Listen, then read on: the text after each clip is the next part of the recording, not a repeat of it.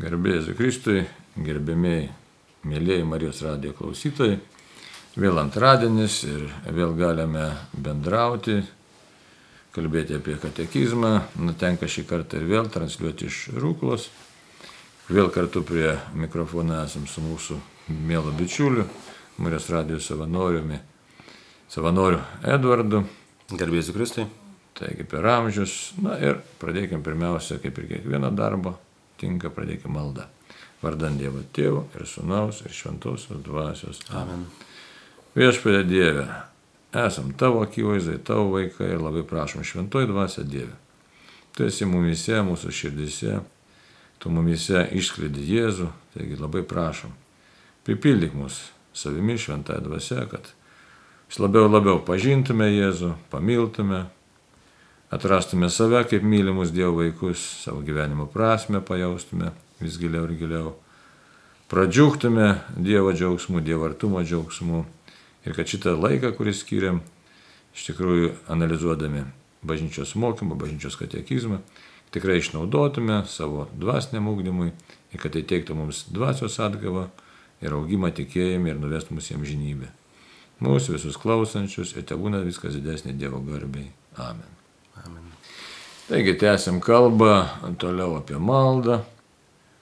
Malda, žinom, kad svarbus yra mūsų labai svarbus gyvenimo elementas, nes tai yra bendrystė su Dievu. Labai gaila, kad įvairios gyvenimo aplinkybės, jeigu pažiūrėtume į savo gyvenimą, praeitį, tai kartais mus atplėšia nuo tos tokios gyvesnės, gyvos ar giluminės maldos, bet to netaip lengva toj maldoj būti. Na ir bet kokiu atveju reikia pasirodo maldos mokytis.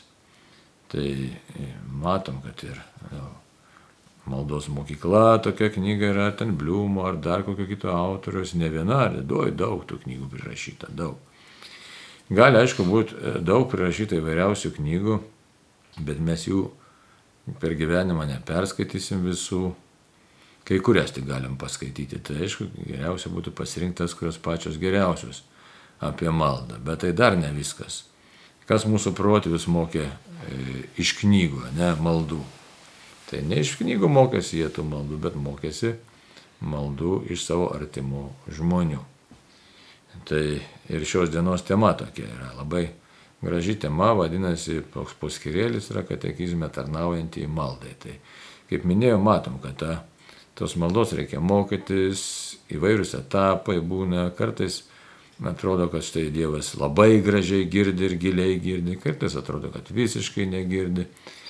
Tai vėlgi, jeigu nieks mums nepasako, turėk kantrybės, neskubėk, visai su malda būna, tai gali kartais ir labai pasimesti. Arba kai būna, kokie patenka, ne, nu, neteisingi mokytojai, sakykime, taip, klaidatikiai, kurie labai lengva tokia ranka pasako, štai čia taip reikia daryti, ar naip daryti, patys neturėdami ir patirties. Taigi žmonė sukaupus yra tos patirties, bet ta patirtis perdodama įvairiais būdais. Tai kaip minėjau, vienas dabar būdų gali būti knygų, įvairių apie maldą skaitimas ir praktikavimas. Kita vertus, malda iš knygų arba pagal knygų tos patirtis ne visiems būna primtina. Na ir kita vertus dar reikia maldos pradėti mokytis kuo anksčiau. O Anksčiau tai vėlgi tai nėra knyginė išmintis. Tai dabar žvelgiam į katekizmą ir pasižiūrėsim, kas čia parašyta. 2685 numeris štai ką kalba. Krikščioniškoji šeima yra pirmoji maldos ūkdymo vieta. Ji yra santokos sakramentų pagrįsta namų bažnyčia, kurioje Dievo vaikai mokosi melstis kaip bažnyčia ir melstis ištvermingai. Ypač mažiems vaikams kasdienė šeimos malda yra pirmoji gyva šventosios dvasios kantri atveriama pažintis su bažnyčia. Dabar e, žiūrime šitą numerį ir Edvardai, kokia tai tau pirma tokia mintis? Nu, galbūt kiltų ar pastebėjimas, kas užkliuvo, sakysim, taip skaitant. Ar užkliuvo kas nors tokį? Na, tai pirmas dalykas, kad e, ta krikščioniškoji šeima tai yra kaip bažnyčia tai yra namų bažnyčia. Tai va čia tas turbūt pirmas dalykas užkliūna. Ir šitoje vietoje, nu, čia tas, galbūt tas mūsų šeimos patirtis tokia yra, kad mes turim, nu, kiekvieną, kiekvieną vakarą pabaigiam visada maldą su vaikais, visi žmona, aš ir, ir, ir vaikai kartu susėdam visi ir melžiamės ir tas, vat, tas mokymas toksai, jisai gaunasi labai gražus tada. Tai, vat, ir, tai ir gaunasi ta tikroji bažnyčia tokia. Tai, tai pirma mintis tokia. Aha. Bet šiaip tai keli momentai čia yra. Krikščioniškoji šeima, ne? Tai krikščioniškoji šeima suprantama, ką tai reiškia savoka, kad tai gili savoka yra. E, ypač mūsų laikais, kai bandoma atakuoti tą šeimą, tai labai svarbu mhm. pasigilinti šitoje vietoje. Krikščioniškoji šeima tai tėvas, tai mama ir vaikai, tai, tai yra tie žmonės, kurie pagal savo prigimtį, giluminę prigimtį, tai yra ir tą gamtinę prigimtį, ir Dievo pašaukimo prasme prigimti. Na, nu, šiaip aišku, net ir mūsų biologinė prigimtis yra Dievo duotybė, nes visas pasaulis yra Dievo, bet kartais žmogus gali, na, nu, vienai par kitaip suprasti arba nesuprasti Dievo plano. Tai čia už tai krikščioniška šeima tai yra ta e, bendruomenė, vyras ir žmona, kurie supranta e, giliau tą savo pašaukimą ir realizuoja tai ir biologinė prasme, bet taip pat ir samoningai supranta, kad štai ką mes atstovaujam, ką mes priėmėm, ką mes įsipareigojom, kas per mus veikia, e, dėl ko mes tai darom. Tai aišku, galim sakyti, kad jie turi nu, sąmoningai ar nesąmoningai prieš akis turi tą šventosios šeimos modelį - Juozapas ir Marija ir Jėzus. Net tai tokia šeima, e, kuri eina vykdyti Dievo valią įvairiomis aplinkybėmis ir pagrindinis tikslas yra buvoti Dievo akivaizdoje, Dievo artumoje ir realizuoti tai, ką Dievas nori padaryti. Štai, toks, štai čia net išskirta kursyvų krikščioniškų šeima. Ne? Tai pirmoji maldos ūkdymo vieta. Ir kita vertus, čia labai tokia atsakomybė didelė. Tai dabar galėčiau Edvardai paklausti, kaip jūs su žmona tiesiog, na, kodėl pajutot atsakomybę, ne, to žodis rimtas, ne, tai atsakomybė melsis su savo vaikais, su savo šeima, nes. Žiūrėkit, labai daug kas neranda laiko dėl tokio elementaraus dalyko. Su savo šeima pasimėl, sako, nėra laiko, kodėl. Kaip vakaras paprastai pasibaigia, kažkas sėdi prie kompiuterio, kažkas sėdi prie televizorius. Nu taip daugumoj, gal sakau daugumoj, nedaugumoj. Kažkas grįžęs po darbų labai pavargęs, Na ir, ir klausimas, ar ten pasišneka, nepasišneka su savo šeima, su savo vaikais ir paskui vėl, ar visi tuo pačiu metu eina gulti, ar ne tuo pačiu metu, matot, tai yra koks klausimas. Yra tvarkos klausimas, yra bendrystės klausimas, bendro gyvenimo klausimas, nes kartais tos, tie mūsų namai gali atrodyti panašiai bendrabūti. Tėvas parėjo iš darbo vienu laiku ir pavalgė vienaip, vaikai parėjo kitų laikų, ten aišku, nuo amžiaus priklauso žmona vėl, vėl savo laikų šeimos motina. Ir nėra tos tokios bendrystės, gaunasi savotiškai lyg ir kartu, bet atskiri gyvenimai. Ir tas labai irgi drumšia tą tokį, e, na ir tokį vieningumą. Tai kaip jūs tą atsakomybę pajutot, kas pažadino norą būti kartu ir dar norą tiesiog tą įsipareigojimą kartu pasimelsti. Mm, čia turbūt reikėtų pradėti nuo tada, kai vaikai gimė. Mm, gaunasi taip, kad kada gimė pirmas sūnus, Tai dabar mano vaikam yra 5 ir 8 metai. Tai kada vyresnysis pirmasis gimė, tai dar tos tokios namų maldos jos nebuvo pas mus. Nebuvo tų tokių įpročių, kad mes kartu su žmona susėstume ir melstumėmės. Ir tik einant laiko atsirado tas gilesnis žiūrėjimas į, į Jėzų, į Dievą. Ir, ir tas ieškojimas savęs, kam, kam aš čia to žemė apskritai esu. Ir tam tikrų momentų, kada pradėjo vat, pirmasis, pirmusius sokus lygos, tarkim, kada pradėjo ten, nu nesvarbu, kad ir mažiausiuose dalykuose atsirasdavo lygos, visada norėdavosi palaiminti vaiką. Nu, kad, žodžiu, Kristaus vardu, kad būtų jo apsauga, kad būtų jo palaikymas. Ir, ir tas toksai momentas, tai čia pirmas momentas, tokie pirmieji maži žingsniai, kurie prasidėjo. Ir paskui augant vaikui, tai jisgi mato, kad tėtis ateina ir sako, nu klausyk, tu čia sergi tau temperatūrą, tai davai sukalbėkime maldelę. Nu ir tiesiog vaikui parodai pavyzdį. Ir tam tikrų momentų atėjo tai, kad vaikas, pavyzdžiui, sapnuoja košmarą, jis atbėga pas tėvus. Nu, tada sakai, klausyk, pasverskim kartu ir, nu, ir, ir, ir viskas, ir paskui praeis, ir ramiai už, užmiego, už, užmigsi ir išsimiegosi. Ir atsirado tokia situacija namuose, kad mes pasimelzdavom kars nuo karto, bet nesimelzdavom pastoviai. Bet aš vis laik vakare vaikams sakydavau, kad viešpatie palaimink mūsų miegą ir palaimink mūsų sapnus, kad jie būtų gražus, kad nesapnuotume nieko blogo ir, ir galėtume ramiai e, pailsėję ateiti į sekančią gražią dieną. Ir tas toks padėkojimas būna vis laik už dieną. Ir e, kažkaip buvo situacija, kad aš gal buvau išvažiavęs, išskridęs turbūt buvau į užsienį, verslo reikalais ir kelias dienas tada mes nesimildėm. Ir visas tas dienas sūnus apnavo košmarus. Ir iš esmės tada gavosi tai, kad jau atsirado pačių vaikų paskata ir tas toksai raginimas, kad kiekvieną vakarą nepamirštume pasimelst. Dėl to aš sakyčiau, čia toks galbūt ir Dievo vedimas, kad tai nebuvo kažkaip per prievartą inicijuota, jis, jis taip su laiku užaugo iš esmės, bet pačioj pradžioj reikėjo inicijuoti vis tiek iš savęs tą tokį ir palaiminimą, ir tą maldą. O dabar gaunasi kiekvieną vakarą mes turim visada, nie, niekada nėra, dėl to, kad net jeigu aš esu kažkur išvykęs, tai būtinai tada skambinamės per internetą, per, per, per kažkur tais, visi jungiamės kartu ir tiesiog visada yra bendra malda. Tai va, tai tas toks, nu tiesiog sakyčiau, kad taip tas atsirado. Taigi, tai dabar žiūrėkit, šeima yra vieta, kaip matom ir girdėjome, vadu tokį labai realų kalbėjimą, konkretų tiksliau, kad vyksta procesas, vyksta procesas, vyksta malda. Taigi maldos ūkdymo vieta ir ta, kodėl sako maldos ūkdymo vieta, katekizmas sako, nes pradžia labai įdomi, ne nuo pačių galbūt sakytume tokių savisaugos elementarių dalykų, kai reikia tiesiog gelbėtis nuo kažko, griebtis kažko ir, ir supranti, kad Tai yra tikra ta, na, apsauga man nepatinka tas toks žodis, bet šių tai, tai yra tikras dalykas. Galbūt norėtųsi iškart, kad štai einame Dievo artumą, čia Dieve tai panašiai.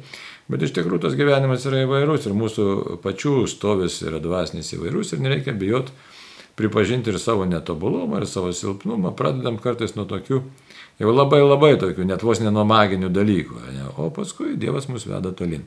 Tai bet bet kokiu atveju krikščioniškai šeima yra maldos vieta ir tėvas ir motina jie yra tiesiog atsakingi, bet atsakomybė nėra išorinė, kad štai aš dabar suformuosiu kažkokius vaikus, nukalsiu tenai iš jų kažką tai padarysiu, bet iš tikrųjų tai yra bendrystė tėvų, bendrystė pirmiausia su Dievu, tėvų bendrystė tarpusavėje ir po to bendrystė, aišku, jau su vaikais, su šeima. Tai taip katekizmas ir sako, žiūrėkit, ji yra santokos sakramentu pagrįsta namų bažnyčia, santokos sakramentu. Ką tai reiškia? Tai reiškia, kad du žmonės žino įsipareigojimą, tokį nu, labai rimtą įsipareigojimą, gyvybiškai svarbu, Dievo akivaizdo vienas kitam. Čia galėtume sakyti, šis e, toks ir vertikali plotmė, ir horizontali, ir net galvoju, kuri pirmiau, nes tai, ko gero jaunam žmogui tai pirmiausia horizontali ta mhm. plotmė, nes pirmiausia žiūri į savo mylimą merginą ir nori būti su ja, o paskui, taip, taip. paskui prašau Dievo palaiminimą. Nors aišku, teoriškai galėtume sakyti, kad pirmiausia aš ieškau Dievo, ne? bet retai tai būna, iš tikrųjų irgi būkime realistai. Tai, Turėtų būti, aišku, pirmiausia ieškau Dievo, gali būti ir kartu tie dalykai, visai gali būti gyvenime. Ir gražu tai va, tai, tai bet bet kokiu atveju žmogus samonėja ir jau eidamas į santoką, jisai primdamas santokos sakramentą iš jų atlieka. Atlieka būtent tą tokį pasirinkimą ir vertikalioje, tai plotmėje, Dievo, dievo akivaizdoje. Savotiškai galėtume sakyti, Dievui pažada, artimam žmogui prisiekia, na, kaip mes sakom, kad Dievo akivaizdoje prisiekia savo mylimam žmogui eiti per gyvenimą kartu, būti gyvenimo draugais, bendražygiais. Tai, va, tai čia sakramentų grįsta, grįsta kas yra? Iš tikrųjų, grįstas yra buvimas Dievo malonėje. Įsivaizduot, yra ne bet kas, bet buvimas Dievo malonėje. Tai šitą įsisamoninti reikėtų visiems šeimoje gyvenantiems, kad štai buvojame Dievo malonėje. Mes esame Dievo malonės vieta. E, kas yra šeima? Kaip ir bažnyčia. Bažnyčia yra nu, vieta, ne, nekalbam ne apie fizinę vietą, ne, nes vyro ir žmonos santykiai tai nėra vieta, tai yra buvojimas. Tai Bet tas buvojimas už tai, na, teologiškai taip vadina, liokus, liokus teologikus, šis žalotiniškai skamba, bet mintis taip lietuviškai paprasta yra, kad dviejų ta žmonių samburis, ne, nu, šeimos atveju, tėvo ir žmonos, e, vyro ir žmonos. Tai, tai tas samburis yra ta vieta, nu, vadinkim tai vieta, nesaliginai čia, ta vieta, kur tikrai veikia šventoji dvasia. Taip tariant, jų buvojimas, šitoks pasirinktas buvojimas yra erdvė, o erdvė gal geresnis būtų žodžius, ne? Buvo erdvė, kur veikia šventoji dvasia Dievo malonė veikia. Ir todėl tai yra namų bažnyčia, nes kas yra bažnyčia? Susibūrimas dėl Dievo, Dievui, vykdant Dievo valią. Tai štai toks labai gilus pagrindas, ne vis laikas būna suvokiamas ir nieko čia baisaus, aišku, kuo samoningiau, to geriau. Jeigu tėvas arba motina šeimoje suprastų, kad štai aš esu Dievo atstovas, aišku, iškart iš aukštų atsakomybės tas pojūtis, tai žinai, daug ką galbūt darytų gyvenime kitaip. Tai būtų labai gerai. Nu, bet gali būti įvairiai. Tai tas, tam samonėjimo ribų nėra. Toliau žiūrėkit. Tai būtent vieta, tas teologinė vieta, sakykime, liaukus teologijos, šeima arba namų bažnyčia. Jonas Paulius II labai mėgo šitą, šitą savoką, reiškia namų bažnyčia. E, tai šitam numerėlį man irgi krito iš karto akis, kad tris kartus pakartojama, reiškia, yra žodis bažnyčia. Tai, va. tai namų bažnyčia, namų susirinkimas, e, kur buvoja šventoji dvasia ir kur, sako, Dievo vaikai mokosi melstis. Dabar kaip melstis jie mokosi? Melstis kaip bažnyčia. Ką reiškia kaip bažnyčia? Bažnyčia iš didžiosios raidės, tai reiškia kaip visa Dievo tauta. Tai gali būti mokomi įvairiopos maldos, įvairiopos. Tai yra kaip bažnyčia, liturginės maldos, ką reiškia liturginės, ne, tai jeigu paaugia mišes ten dalyvauti, mokosi mišiose ar ten kaip poterių mokosi, bet gali mokytis visai kitokios maldos, aiškiai, tai yra asmeninės maldos, privačios maldos, ten su šventu raštu, be šventu rašto, nu žodžiu, bet melsis taip kaip bažnyčia, tai yra vienybė su visais šventaisiais. Tai čia labai svarbus momentas, kad tie patys tėvai suvoktų, kad jie yra, nu, tiesiog vienos didelės šeimos nariai, kad jie tiesiog šventųjų bendrapiliečiai, bendradarbiai, kad tai, ką jie daro, turi giliausią prasme, nes pasišneku kartais su tokiais jaunais tėvais, tai sako, žvelgiant į pasaulį, kas dabar vyksta pasaulyje, sekuliariam pasaulyje, darosi baisu, kaip tie vaikai turės išeiti iš šitą pasaulį ir kaip jie turės atstovėti, būti savimi, būti tikinčiaisiais. Tai, tai ir klausimas tada, tai dabar žiūri savo vaikus, nu mes gyvenam tam tikrus iššūkius, dabar aišku, karantinas, korona, bet ne tik, tai mes matom, kad niveliuojamos lytis, visokių tokių iššūkių, technologijos, dirbtinis intelektas, šiaip internetinė erdvė, kur nėra palanki aplinka tikėjimui. Labai keista, pažiūrėjau, kai Lietuva išsilaisvino prieš 30 metų, jau kai paskelbė nepriklausomybę, plūstelė labai daug žmonių bažnyčios tai atrodė, kad tikrai visi pasieksim labai greitai ir labai gerą rezultatą ir kad jaunimas, jau mes, mes, mano karta, ten kom jaunuoliška karta, e, tai, nu, sugadinta karta, bet jau vaikai ir anūkai, nes jau mano amžiaus žmonės turi anūkų ir ne, nemažų. Tai, taigi jau tie vaikai ir anūkai tikrai bus tikintis ir labai tikintis bus, nes laisvė leidžia tikėti, bet dėja taip nevyko ir mes dabar ką matome realiai, kad ir man tenka nemažai su jaunais žmonėms šnekėti, tai sakykime, nu geriausiu atveju 10 procentų kažkur, tai yra taip jau giliau tikinčių. Geriausiu atveju įsivaizduoju, o šiaip tai net yra priešiškai nusistačiusių arba pasišaipančių iš tikėjimo, nors tikyba dėstama bažnyčioje, pas, mokyklose pasirinktinai, niekas nedraudžia tikėti ir, ir bažnyčia einančių niekas neskaičiuoja. Tai dabar kaip tu irgi, kaip namų bažnyčia, matydamas tą savo atsakomybę, nebijai, kad tavo vaikai bus kažkokie ar, ar suklaidinti, ar kitokie, Ar kaip, nu, kaip pasiekti, kad jie tikrai, tikrai tą Dievo malonę suvoktų giliau ir, ir joje gyventų. Nu, čia turbūt visų tėvų yra svajonė tai, kad vaikai būtų geri. Tai čia nu, tikrai tas tai yra dalykas. Bet žinot, e, mano akimis tai gaunasi taip, kad e, vaikai negirdi, ką mes sakom, jie mato, ką mes darom. Ir čia yra tokia reali psichologija, dėl to, kad nu, jeigu, tarkim, kad ir rūkimas, tėtis rūkydamas sako, sūnau, nerūkyk, tai yra nu, nelabai veikiantis pavyzdys dėl to, kad sūnus mato, ką tėtis daro ir jisai kažkaip paskui būna linkęs į tai. Jeigu tėtis negražiai kažkurioje vietoje elgesi, tikimybė yra, kad vaikai paskui tą patį darys. Tai aš manau, kad šitoje vietoje yra labai svarbu e, kalbėti apie savo išgyvenimus.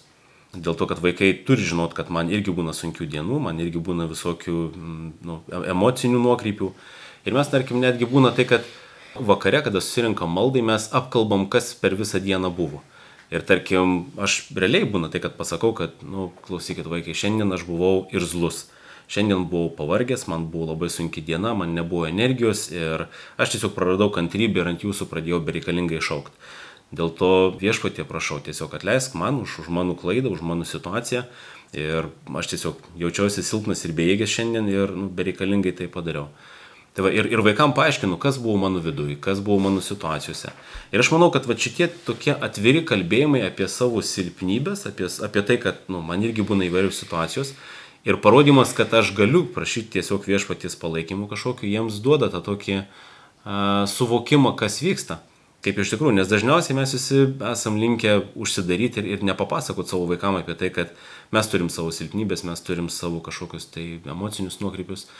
Ir tada tas išorinis pasaulis turbūt jisai, nu, aš, aš tai bent jau tikiu, aš nežinau, kaip bus iš tikrųjų dėl to, kad neturiu aš to tokio žinojimo į ateitį, kas bus, bet aš tikiu, kad tas, va, tas toks šeimos tarpusavio kalbėjimas ir, ir matymas, kaip mes pasitikim Dievu, kad jisai persiduos ir per vaikus. Ir kadangi vaikai tik tais 5 ir 8 metų, tai aš negaliu pasakyti, kaip atrodys paauglystės metu, gali būti taip, kad ir turbūt taip ir bus, kad ta paauglystės laikotarpis jisai bus tas, tas išbandymų metas Bet žinokit, vis tiek paskui viskas lieka, nes aš pas, pagal savo tėvus atsimenu, kad a, tai buvo man irgi ta paauglystė ir buvo tas sunkus periodas toksai, bet aš turiu labai mylinčius tėvus. Iš tikrųjų, čia yra Dievo dovana, labai mylinčius tėvus, labai mylinčius senelius. Ir a, tas a, galbūt to tokiu sunkiu periodu aš labai ten tada ir, ir, ir keistai žiūrėjau ir mačiau visas tas tėvų silpnybės ir visa kita, bet dabar atėjo tas laikas, kada jau supranti, kad, nu tai gerai, bet tai visi esam žmonės, tai visiems būna sunkių dienų, sunkių darbų, sunkių akimirkų, kada to nematai. Ir, ir tas jų vaikystės, mano meilės, nu, tiek, tiek kiek jie davė vaikystėje, į visą tai sugrįžta dabar jiem atgal. Dėl to, kad aš dabar suprantu, kaip kas vyksta, kaip kas darosi ir, ir man norisi tos meilės kuo daugiau jiems parodyti. Ir aš suprantu iš to pavyzdžių, savo tėvų pavyzdžių, kad mano vaikams meilės reikia kuo daugiau dabar, kada yra maži, jiems reikia matyti gražų pavyzdį, o paskui jau gyvenimas kaip sudėlios, nežinau, tiesiog. Taip, kur Dievas nuves, bet šitoje vietoje štai labai svarbi ta mintis - melstis kaip bažnyčia. Ką reiškia? Tai visokiojopai labai gerą momentą paminėjai atgailaus tą momentą, ne, kad nebijot prisipažinti, kad esu silpnas, kad suklydau, mhm. nes jie neprims to, kad tėvas reiškia, o koks mano tėvas niek, niekingas, matai, jisai suklydė, prims su meilė iš tikrųjų viską. Nes dažniausiai tai mes esame pripratę prie komandinio metodo auklėjimo, ypač Lietuvoje, ne. Daryk taip, daryk anaip, nu ir arba, arba labai pataikaujančio metodo dabar paplitęs labai. Reiškia leisti viską ir ne, neužsimti auklybą. Labai įdomu iš dabar iš vaiko pozicijų, reiškia, mano tėvas labai daug mėgdavo kalbėti, iš tikrųjų, aš tuo metu buvau prisiskaitęs, kokiu aš labai pradėjau knygas skaityti, ryti tiesiog rydavo tas knygas, esu jos paauglystį, nežinau, kalnus perskaitęs tų knygų ir skaičiau viską iš eilės, e, kas pakliūdavo po ranka, tai prisiskaičiau ir grožinės, ir negrožinės literatūros, ir net perskaičiau medicinos vadovėlį, žinai, visokio tokių dalykų. Tai bet labai, labai man padarė įspūdį, atsimenu, reiškia, ir neigiamą, aš nesupratau tuo metu literatūrinio herojus potekstis, Džeko Londono jūrų vilkas, kuris buvo labai žiaurus ir, ir, ir įžulus toks, nu, ne, ką ten įžulus, ten, nu, niekingas buvo iš tikrųjų, su savo filosofija, bet man padarė paauglį didžiulį įspūdį, nes, o čia tai kietas vyras, galvo, visiems į nosį duoda, ir mažai šneka ir e, man padarė kažkokį neigiamą įspūdį bet taip užkabino mane stipriai. O mano tėvas buvo švelnus žmogus, jisai mėgdavo kalbėti labai daug ir labai turėjo tokią savybę, mėgdavo pasakoti, kaip dabar Edvardas sako, kiekvieną dieną papasako, ką jis veikė vakare, kaip, kaip buvo, kaip ką. O aš prisiskaitęs to tokių literatūros širdį niekindavo tėvą, kiek aš kelis met, nežinau, gal, ką čia tas tėvas šneka, žinai, taip silpnas toks žmogus, čia kietam reikia būti visiems į nosį duoti panašiai. Ir paskui supratau gyvenime, tai kad dabar po šiai dienai jau tėvo amžinatis nėra, bet kokią jis gerą padarė darbą, nes, nes mano žinių bagažas dėl tų tėvo kalbėjimų iš tikrųjų išaugo nežinau kiek kartų, nes jis papasakotų nu, apie išgyvenimus, kalbėdavo apie poeziją, apie muziką, net apie plytų gamybą, nes jis inžinierius buvo įsivaizduoja. Tai labai daug dalykų. Tai tas buvimas, o tokia santykėje, mane tikrai labai praturtino ir labai stipriai pastumė į priekį. Ir paskui, jau kai paaugau, aš supratau, kad aš atėjau galiu kalbėti filosofiniam temom, jos dabar tebesisitėsi man visą gyvenimą, ypač gyvenimo prasmės tą temą. Tai čia iš namų aš ją atsinešiau iš tikrųjų iš tėvo. Tai ką reiškia tas buvimas, ta namų bažnyčia? Aišku, ir apie maldos mokyklą aš jau čia net nešneku, tai, e, bet kalbu apie tos tokius kitokius dalykus, nes šeimoje, aišku, mes meldzamės. Na, aišku, gal ne taip tobulai, kaip dabar Edvardas, mama savo, tėvas savo, paskui paklausė, tu meldiesi, nesimeldi. Maldaknygė visą laiką turėjau nuo vaikystės, nepaisant tarybinių laikų, visiškai tas nesvarbu. Bet dar vienas įdomus dalykas, kad tas šeimos modelis, ką jisai gero duoda, tas tikros šeimos modelis, Pavyzdžiui, man asmeniškai tikrai drąsiai galiu pasakyti, man aplinka, tarybinė aplinka, man nedarė jokio įspūdžio. Įsivaizduoti, jokio. Man tai, kas vyksta už sienų šeimos, tai buvo propaganda, buvo nesąmonė, buvo, žinau, kad mes okupuoti, žinau, kad mes suvaržyti. Ir, ir, ir man reikia klausyti tai, kad tėvai sako ir ką seneliai sako. Visi seneliai buvo tikintis ir visi buvo patriotai. Tai man tas nedarė absoliučiai jokio įspūdžio. Tai e, ta prasme aplinkos vis nuomonė. Nepaisant to, kad aš širdį buvo epizodas, kai tėvas man atrodė, kad jis toks silpnas, neturi būti toks vyras, turi būti kaip jūrų vilkas ten tas e, Džioko Londone, bet paskui praėjo ta lyga ir, ir, ir liko kiti tai, tai geri dalykai. Tai, va. tai dabar apie ką mes dar turėtume užsiminti? Autoritetas, šeimos autoritetas, tėvo ir mamos autoritetas, kaip atrandamas?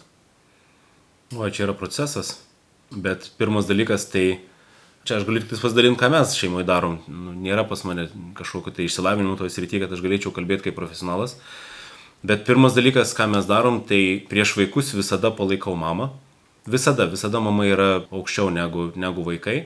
Ir, pavyzdžiui, jeigu kada nors kyla kažkokia tai konfliktinė situacija ar kažkas, aš laik vaikam užduodu klausimą. Sakau, vaikai, kaip jūs galvojat, ką aš myliu labiau, jūs ar mama? Ir vaikų atsakymas laik būna taip, mama. Sakau, vadinasi, aš ją ir palaikysiu. Ir aš žinau, kad iš kitos pusės lygiai tas pats vyksta. Tarkim, mama, kada turi kažkokią situaciją, tai visada tėtis lieka teisus. Dėl to, kad yra tėtis, tai yra visų pirma, tu, vaikai turi suprasti tokį dalyką, kad Šeima atsirado ne dėl to, kad jie, tai ne jie yra šeimos pagrindas, tai tėvai yra šeimos pagrindas. Ir tėtis mamą myli, ir mama tėtį myli, ir vadinasi, ar ten būna sunkesnė diena ar lengvesnė diena, bet tai jis ir mama. Tai va tas autoritetas jisai yra išugdomas vėl iš pavyzdžių. Aš rodau, kad mama yra svarbiausias asmuo šeimoje, mama nu, irgi tą patį rodo tada, kad tėtis yra svarbiausias ir vaikai turi suprasti, kad tai yra tėvų šeima ir kad vieną dieną jie, jie išeis ir mes net ir dabar, pavyzdžiui, kada yra, jiem yra 5 ir 8 metai, dar atrodo maži vaikai, visiškai nieko nesupranta, bet, pavyzdžiui, mes su, su, su vyresniu, su džiugu visada kalbam apie tai, kad sako, džiugai, ar tu supranti, kad tau dabar yra 8, toj bus 9 metai, tu būsi pusę jau savo laiko pas mus praleidęs. Dėl to, kad kai tau bus 18 metų, tu norėsi keliauti kažkur į savo gyvenimą, norėsi kažkur studijuoti. Ir aš jau jam dabar aiškinu, kad tu išeisi iš mūsų namų. Ir ar supranti, koks yra džiaugsmas e, būti su tėčiu ir mama šiandien. Dėl to džiaugis, kol esi, džiaugis, mėgaukis tuo ir, ir aš tau stengiuosi duoti tai, ką aš tau galiu atiduoti. Tai va čia yra pavyzdys. Taip, ir iš tikrųjų šitą vietą, aišku, per daug mes čia žiūriu laikrodį, negalim įsiplėsti, bet tas manimas, šeimos modelis, kad kiekvienas žmogus yra Dievo, čia yra Įsivaizduot ir nesisavinti vaikų savo. Įsivaizduot, čia labai svarbu, labai, nes dabartinis laikmetis labai daugelį tėvų išmokinės nevažiuoti į vaiką kaip į savo daiktą arba kaip į tokį, nu nežinau, kažkokį naminį gyvulėlį, kurį reikia pririšti visam gyvenimui ir neduoti jam laisvės, tikros laisvės. O tai tikrai laisvę reikia paruošti. Tai aš visą laiką daug kartų esu minėjęs, bet priminsiu, man tai visą laiką pavyzdys įkvėpintis toks ir Antano Matskevičiaus gyvenimas, aiškiai, kunigo Antano Matskevičiaus vėliau susukilimo vado. Nes jį mama išleido, man atrodo, iš Varnių, ne, 12 metų į Vilnių, įsivaizduoti, 19 amžiui, kad nueitų pėšęs į jezuitų kolegiją ir ten žadėjo jį priimti, kažkokį ten raštą turėjo, nu, detalės galim istoriškai pasižiūrėti. Ir 12 metų vaikas išėjo per visą Lietuvą, išėjo į Vilnių, susirado jezuitų kolegiją, įstojo, tapo kunigu, aiškiai, baigė, aiškiai, pirmiausia gimnaziją, paskui kolegiją. Taip toliau ir paskui tapo sukilimo vadukas, be galo mylėjo Lietuvą ir atidavė savo gyvenimą už Lietuvą įsivaizduoti, už Dievą ir tėvynę tėvą. Tai e, tas gyvenimas neveltui, kaip sakyti, nugyventas ir, ir iš kur tai atėjo iš mamos, nes mama suprato, į mamą palaimino, sako, eik, eik, surasi kelią. Tai tas supratimas reiškia, kad vaikas yra iš tikrųjų Dievo duotybė, jis turi gyventi savo gyvenimą, koks tas gyvenimas sunkus ir sudėtingas bebūtų. Tai va, tai. Toliau, dar kita labai mintis čia svarbi, sako, melstis ištvermingai. Dabar ištvermingai melstis irgi labai svarbu. Tai nėra tik tai truščia frazė, nes ir, ir patiems tėvams ir vaikams reikia išmokti tos ištvermės, nes gyvenimas įvairus, kiekvieną dieną atneša savo iššūkių. Labai norisi greitai, tokio greito rezultato, ypač mūsų laikmečio žmonėms. E, nes prie kompiuterio sėdėm, viską galim greitai padaryti, ne greitai išspręsti daug labai klausimų. O maldoje, ką mes susitinkam su tikru gyvenimu, kuris yra kelionė į amžinybę, čia niekas taip greitai nesisprendžia. Tai, tai taip, kad visokių gali būti momentų, gali būti atrodyti, kad Dievas negirdi, galim patys klaidų pridaryti ir paskui galvoti, kaip išbristi iš tų klaidų. Ir tada irgi malda, vėl kitokia visiškai malda, tai dabar dar Edvada, jeigu turi kokią mintį, kaip su to ištvermingumu, kaip, kaip tenai irgi kiek jisai svarbus yra ir asmeniškai, ir su žmona, ir su vaikais.